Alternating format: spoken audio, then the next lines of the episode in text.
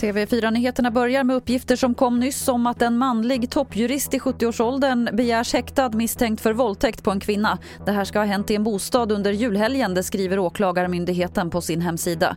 Den häktade mannen har varit inblandad i flera högprofilerade mål och haft en lång karriär. Under morgonen har det kommit in flera rapporter om olyckor på grund av det oväder som dragit in över södra Sverige.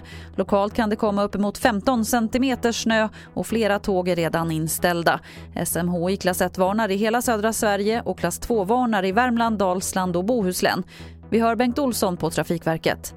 Det som är framförallt utmanande det är ju temperaturskiftningarna som är så kraftiga som de är mellan, eh, runt omkring nollan och att den hårda vinden bygger på Fläckvis ishalka, ja det ska vi ha, eh, vara förberedda på i, i stort sett hela södra Sverige.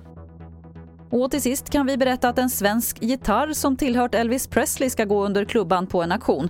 Det är en Hagström-gitarr som Elvis spelade på i en comebackshow 1968. Enligt experter kommer köparen få räkna med att pynta minst 2 miljoner dollar för gitarren. Det var det senaste från TV4 Nyheterna. Jag heter Lotta Wall.